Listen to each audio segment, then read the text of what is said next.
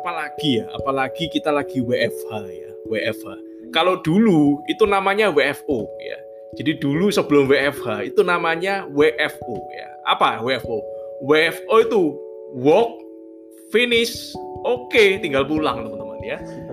Jadi WFO ya, work bekerja sudah selesai finish oke, okay, tinggal pulang ya.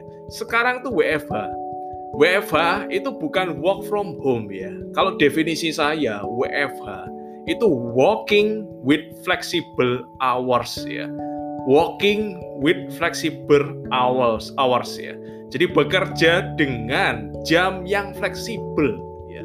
Dan karena WFH ini jamnya yang fleksibel, jangan disia-siakan teman-teman. Sungguh sangat sayang, sungguh sangat disayangkan kalau teman-teman di zaman WFH ini flexible hours ini disia-siakan mengerjakan hal-hal yang tidak produktif, mengerjakan hal-hal yang tidak menambah income teman-teman, tidak menambah ya pengetahuan teman-teman, tidak menambah networkingnya teman-teman, sangat disayangkan teman-teman ya.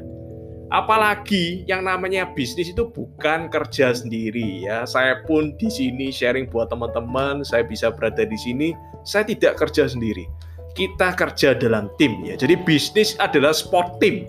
Bahkan tim pun ada singkatannya teman-teman ya. Tim itu ada singkatannya. Tim T together E each ya. A achieve M more ya. Jadi together each achieve more. Bersama-sama itu kita bisa capai lebih teman-teman ya. Jadi bukan bisnis bukanlah mainan individu, bukanlah pekerjaan individu, tapi pekerjaan tim. Ya. Kita bersama-sama di sini itu bisa mencapai lebih, lebih dari impian kita ya. Saya sudah mencapai impian-impian saya, saya sudah merealisasikan impian-impian saya.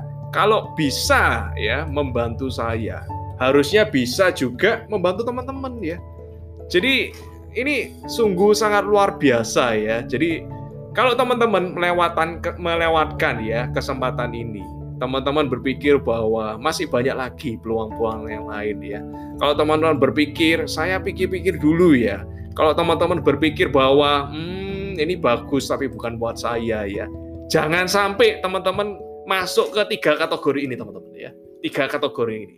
Apa ya? Kategori pertama mantap ya, makan tabungan ya. Jangan sampai ya. Duitnya habis, akhirnya tabungannya juga habis atau kategori kedua, mindset ya, makan aset. Nah, duitnya habis, akhirnya asetnya dijual. Ya. Atau yang ketiga, bahkan ini lebih parah lagi ya, manut ya.